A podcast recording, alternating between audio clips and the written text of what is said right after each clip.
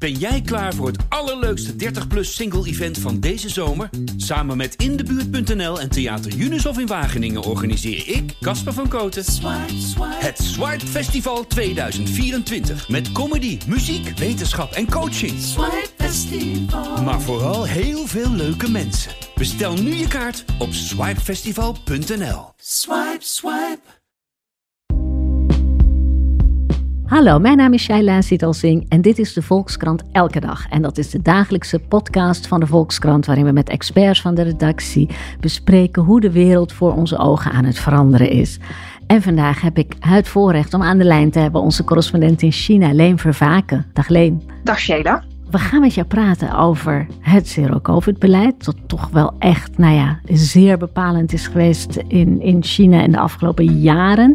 En onlangs kondigde de Chinese overheid een versoepeling aan van dit COVID-beleid. Wat, nou ja, toch wel vrij verwonderlijk is als je ziet hoe streng het is geweest al die jaren.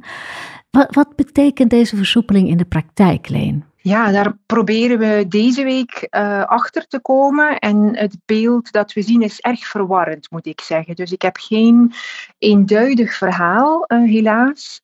Nou ja, wat we zagen is afgelopen vrijdag inderdaad dat de um, nationale overheid, de, de regering, uh, met een pakket van 20 maatregelen kwam. Dat waren duidelijk allemaal versoepelingen en alles samen kan je wel van de grootste versoepeling spreken sinds eigenlijk het begin van het zero-covid-beleid. Je moet dan denken aan bijvoorbeeld kortere quarantaines, uh, iets minder testen, want nu moeten grote delen van de bevolking echt elke dag of elke twee of drie dagen testen. En ook um, kleinere lockdowns. Dus als er een besmetting optreedt, niet meteen een hele wijk of een hele dorp of stad in uh, lockdown plaatsen, maar heel gericht enkel het gebouw. Maar zij zeiden er heel duidelijk bij: dit uh, is absoluut niet het loslaten van het zero-covid-beleid. Het doel blijft nul gevallen ja, als je dat dan hoort, dan denk je, ja, maar dat kan dus niet. Hè. Um, je ziet dat het nu al erg moeilijk is met het huidige heel strenge zero-covid-beleid om eigenlijk die Omicron-variant uh, onder controle te houden. Dus als je de maatregelen gaat verlichten, ja, dat gaat gewoon niet lukken om het op nul gevallen te houden. Dus dat maakt het een beetje onduidelijk. Wat wil de overheid hier nu eigenlijk? Want zijn er wel COVID-gevallen? Zeker. Uh, we zitten eigenlijk met een, een nieuwe piek uh, sinds een half jaar geleden. Dus in april zagen we een enorme piek en dat leidde toen tot die uh, ja, maandenlange lockdown uh, in Shanghai. En zo, zo'n piek zien we nu opnieuw. Vandaag werden er in heel China ruim 25.000 gevallen gemeld. Als je dat vergelijkt met Europese maatstaven, dat komt niet in de buurt van wat een jaar of twee jaar geleden piek werd genoemd. Maar naar Chinese normen is het dus enorm hoog. En dus wat je nu in de praktijk ziet, het is eigenlijk een beetje tegenstrijdig. Je ziet in sommige delen van het land dat men nog heel sterk vasthoudt aan dat oude, strenge beleid. Neem een stad als Guangzhou, waar uh, 10.000 gevallen per dag worden gemeld. Of een stad als Chongqing met 4.000 gevallen per dag. Daar zijn strenge lockdowns ingevoerd. Dus dat is dat oude uh, zero-covid-beleid. Maar in andere steden, bijvoorbeeld een Shijiazhuang in het noorden, zo'n 300 kilometer van Beijing, die hadden begin deze week 500 gevallen per dag. Die hadden een lockdown ingevoerd. Maar maandag zeiden ze plots: Nou, het is klaar met de lockdown. Winkels en horeca mogen weer open. Scholen mogen weer open. En uh, ja, dat dagelijks testen, dat hoeft ook niet meer. Je hoeft eigenlijk ook geen testresultaat meer te tonen. Dus dat was heel uh, bijzonder om te zien. En daar zijn ook alle ogen in China wel op gericht. En is daar dan een motivatie voor gegeven waarom ze dat doen? Of zeggen de autoriteiten in China nooit waarom ze iets doen? Nou, dat is heel interessant. Um, het is ook weer iets min minder eenduidig dan het uh, lijkt. De Chinese autoriteiten zeggen heel vaak wat ze doen, maar dat komt ook heel vaak niet overeen met de realiteit. Dus je krijgt nu een ontzettend vreemde situatie waarbij in steden als Guangzhou en Chongqing dus hele strenge lockdowns worden ingevoerd. Maar dat mag geen lockdown heten. Dus in de um, formele retoriek wordt niet toegegeven dat het om lockdowns gaat, maar wordt gezegd: nee, wij zijn een heel uh, precies beleid aan het voeren waarbij specifieke wijken met besmettingen in lockdown gaan. Als je dan in de realiteit kijkt, dan blijkt dat het eigenlijk om alle wijken gaat. Dus in de praktijk is het wel degelijk een stadsbrede lockdown. En het omgekeerde zie je in de stad uh, Shijiazhuang, waar dus het zero-covid-beleid duidelijk versoepeld is. Maar dan mag het geen versoepeling heten. Daar wordt gezegd: nee, nee, we zijn helemaal niet aan het heropenen. Wij houden ons heel strikt vast aan het, uh, aan het zero-covid-beleid. Um, en dat heeft ermee te maken dat dat vanuit de nationale overheid ja, nog steeds uh, het officiële ordewoord is. We houden daaraan vast. Het heeft ermee te maken dat je ziet dat eigenlijk het zero-covid-beleid onhoudbaar is geworden, dat de overheid wel op zoek is naar een uitweg, maar dat eigenlijk niet wil toegeven en ook snapt dat het heel moeilijk wordt en dus probeert in de praktijk um, te experimenteren op lokaal niveau, te kijken wat werkt en niet werkt, maar zonder dat eigenlijk zo te benoemen. Als het dan fout gaat, dan hoeven ze ook niet toe te geven ja, dat ze geprobeerd hebben om het los te laten en dat het mislukt is. Ja, want zou het gezichtsverlies zijn voor bijvoorbeeld Xi als, als, er, als, als er vanuit de overheid zou worden gezegd van ja, dit heeft ons ook wel heel erg veel gekost uh, en we moeten toch een beetje gaan versoepelen? Dat zou zeker gezichtsverlies zijn. Hij heeft echt zijn eigen naam uh, enorm verbonden aan dat zero-covid-beleid. Maar vooral, hij heeft ook voortdurend gezegd dat China en de Chinese Communistische Partij als geen ander land en als geen andere partij in staat is om dat virus onder controle te houden en ervoor te zorgen um, dat mensen en mensenlevens op de eerste plaats staan. En, en dat heeft hij heel erg in contrast geplaatst met de Verenigde Staten, met Europa, ja, die uh, enorm veel mensen hebben laten overlijden. Dat is een beetje hoe het hier wordt voorgesteld. En dan kom je natuurlijk voor het dilemma te zitten dat je nu enerzijds merkt dat dat zero-covid-beleid niet langer houdbaar is, ook niet langer werkt voor een stuk, maar dat je er op een of andere manier uit moet raken zonder dat je alsnog al die mensenlevens opoffert.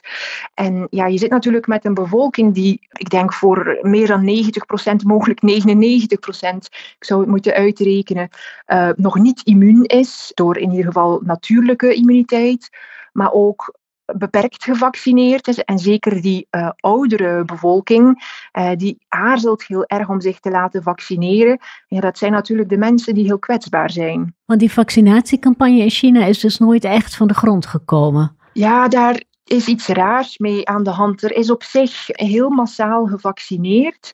Uh, maar men, is, uh, men heeft heel erg ingezet op de beroepsbevolking. Bevolking tussen 18 en uh, 60 jaar. Op een bepaald moment heeft men de omslag gemaakt en is men ook de jongere en oudere bevolking beginnen vaccineren.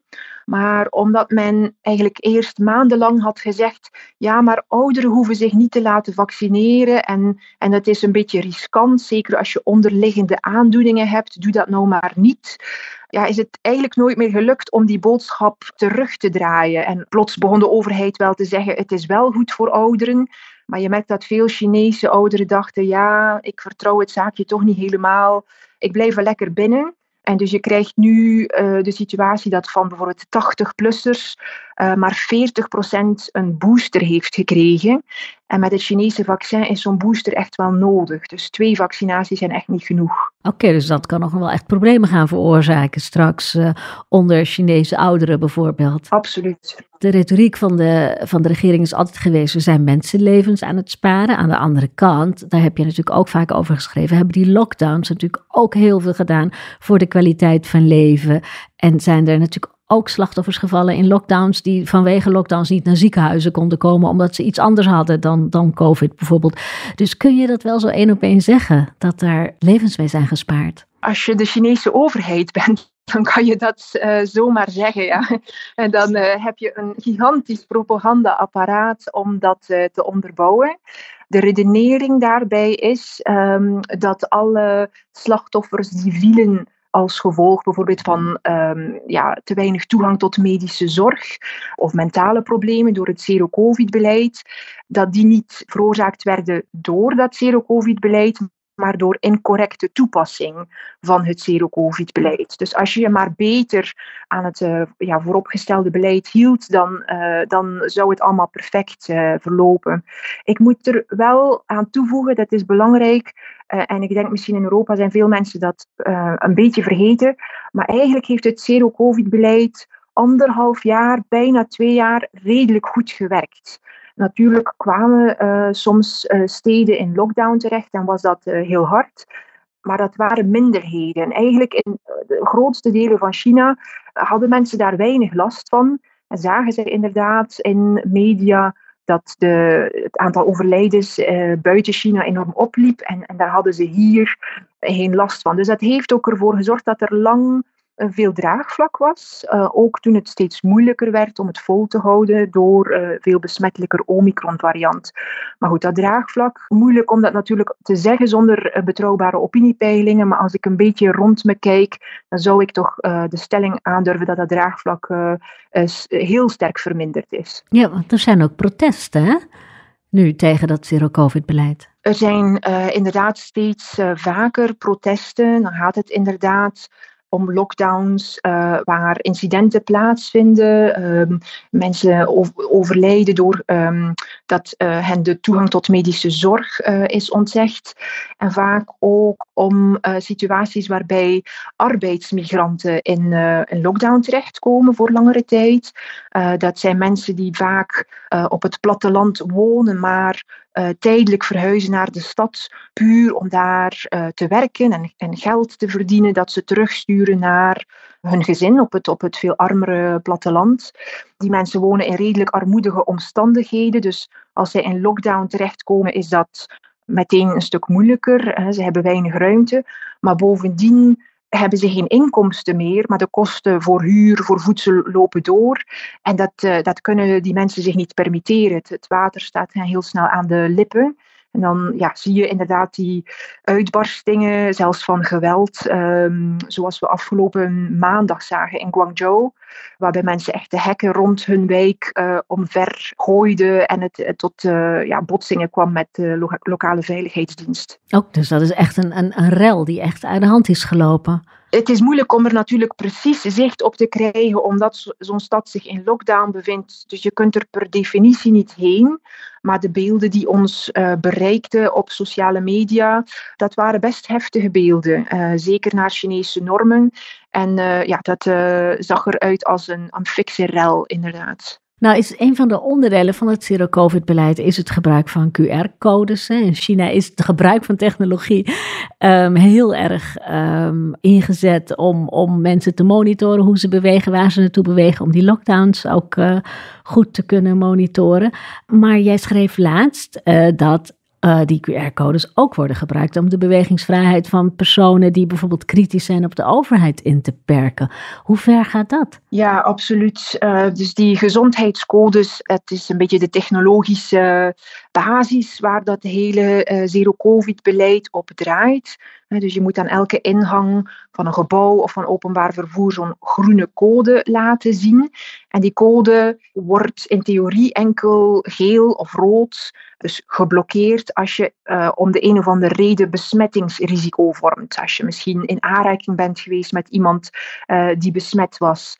Maar dus bij bepaalde mensenrechtenadvocaten en bij andere critici van de overheid eh, zie je dus dat die code niet reageert op besmettingsrisico, maar puur op ja, plannen om bijvoorbeeld in Beijing een bezwaarschrift in te dienen tegen overheidshandelen of uh, ja, puur gericht wordt op de persoon zelf.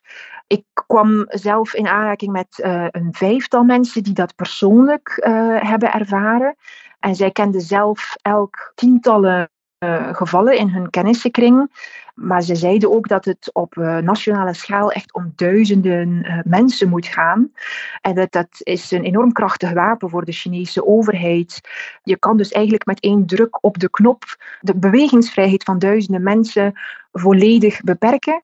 En het is heel fijnmazig. Er was bijvoorbeeld een voorbeeld van een uh, overheidscriticus die op het uh, Tiananmenplein wilde komen. Hij maakte een reservering voor het plein. Dat is nodig. Het is een politiek erg gevoelig plein. En zodra hij die reservering maakte, werd zijn code geblokkeerd. Dus hij kon nergens meer heen.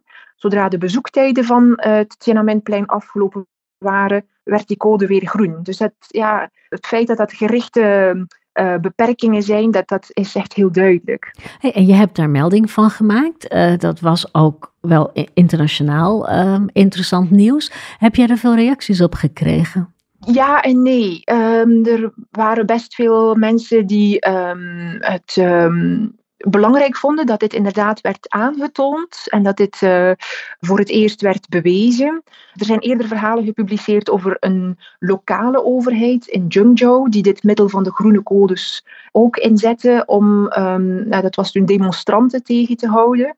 Daar is toen op nationaal niveau op, op gereageerd en, en men heeft gezegd dat gaan we bestraffen, dat, uh, dat is niet toegelaten.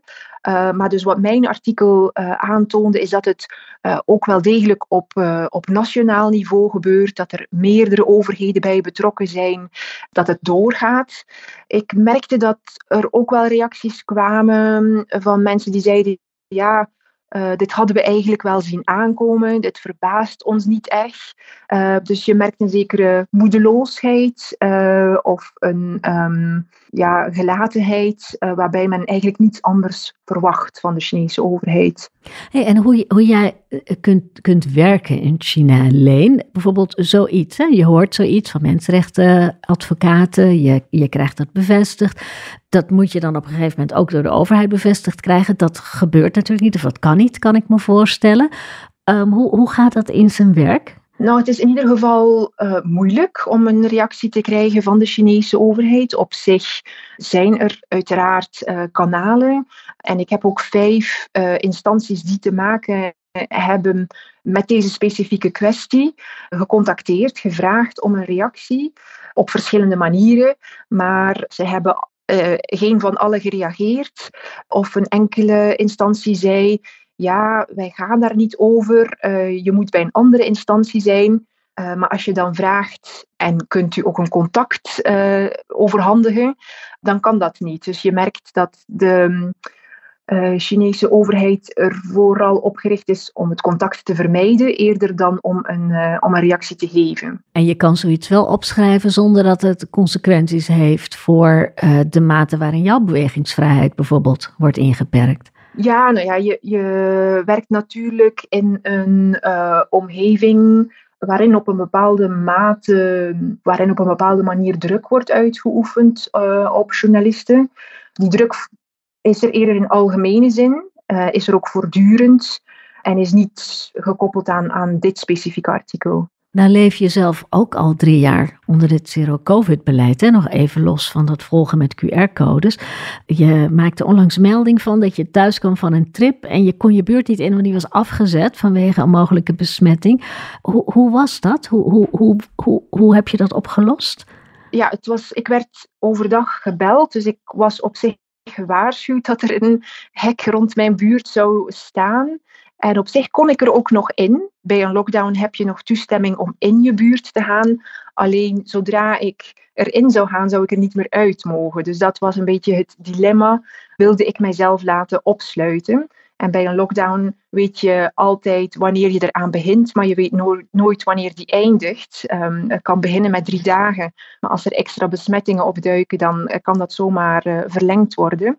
En die onzekerheid is, is uh, denk ik de, de, ja, de grootste moeilijkheid. En dus ik heb toen beslist uh, ik ga het uh, even van buitenaf aankijken. Ik kon gelukkig bij vrienden uh, terecht. En na drie dagen was de lockdown afgelopen. Dus dat was eigenlijk een zeer voorspoedig, voorspoedig verlopen lockdown. En ik, heb het eigenlijk ook zo ervaren, vooral als um, een beetje vervelend. De onzekerheid is, is vervelend en als een, een ongemak. En ik merk ook dat mijn buurtgenoten eh, dezelfde houding hadden. Dus dat wij heel erg gewend zijn geraakt aan af en toe is opgesloten worden. En dat, dat, ja, als het bij drie dagen blijft, dan komen we er goed van af. Dan zijn we eigenlijk allemaal blij. dus we zijn goed geconditioneerd. En het wordt vervelend als het zeven dagen is. Dat is een beetje de houding. En dat komt natuurlijk omdat we het voortdurend uh, rond ons horen. Um, ik heb vandaag, nu net vijf uur geleden, had ik iemand op bezoek die terwijl zij hier was, uh, berichten kreeg. Ja, sorry, uh, je, je huis zit nu in een lockdown. En dat was een, een veel ernstiger situatie, waarbij ze niet konden aangeven hoe lang die zou duren en waarbij ze ook nog niet precies wisten om hoeveel besmettingen het gaat. Dat is altijd slecht nieuws uh, in China. Dan weet je dat je voor een, een, lange tijd vertrokken bent. Dus ja, dan ga je op zoek naar alternatieve logeeradressen. En, en het is een beetje routine geworden, vrees ik. Want hoe vaak heb jij in lockdown gezeten? Weet je dat nog alleen? Kun je dat reconstrueren? Ik heb persoonlijk heel veel geluk gehad. Ik heb heel vaak in quarantaines gezeten, omdat ik bepaalde reisbewegingen maakte die alleen toegelaten was als ik in, uh, in quarantaine uh, ging. En ik heb in totaal, ik dacht 75 dagen in quarantaine doorgebracht. Wat denk ik mee een rol speelde in mijn beslissing om mij niet uh, opnieuw te laten opsluiten. Maar dus echt een lockdown die mij uh, zomaar overkwam, waar ik mij niet op kon voorbereiden, heb ik eigenlijk tot nu toe weten te vermijden. Dus uh, ik heb ontzettend veel geluk gehad. En ik moet ook zeggen, ik vind sowieso dat uh, ja, mijn situatie in vergelijking met die van gewone Chinezen enorm meevalt omdat bijvoorbeeld zo'n lockdown op mijn inkomen geen impact heeft. Ik kan ook gewoon doorwerken vanuit quarantaine. Terwijl natuurlijk heel veel mensen naar buiten moeten kunnen om uh, een inkomen uh, te krijgen. Voor hen is dit een compleet onhoudbare situatie. En is het telkens als zij nieuws krijgen, uh, ja, de komende zeven dagen mag je niet uit je wijk of je woning. Dat is voor hen een regelrechte ramp. En, en, nu zijn er dan dus eh, versoepelingen die geen versoepelingen mogen heten. En die aan, in de ene stad wel en in de andere stad niet worden ingevoerd. Is er zicht op dat er ooit echt een einde komt aan het zero-covid-beleid? Of, of denk jij dat dit gewoon de toekomstige staat zal zijn waarin China altijd zal verkeren? Het is moeilijk te zeggen. Maar ik denk niet dat het uh, vol te houden is dat dit voor eeuwig en altijd de staat van China wordt.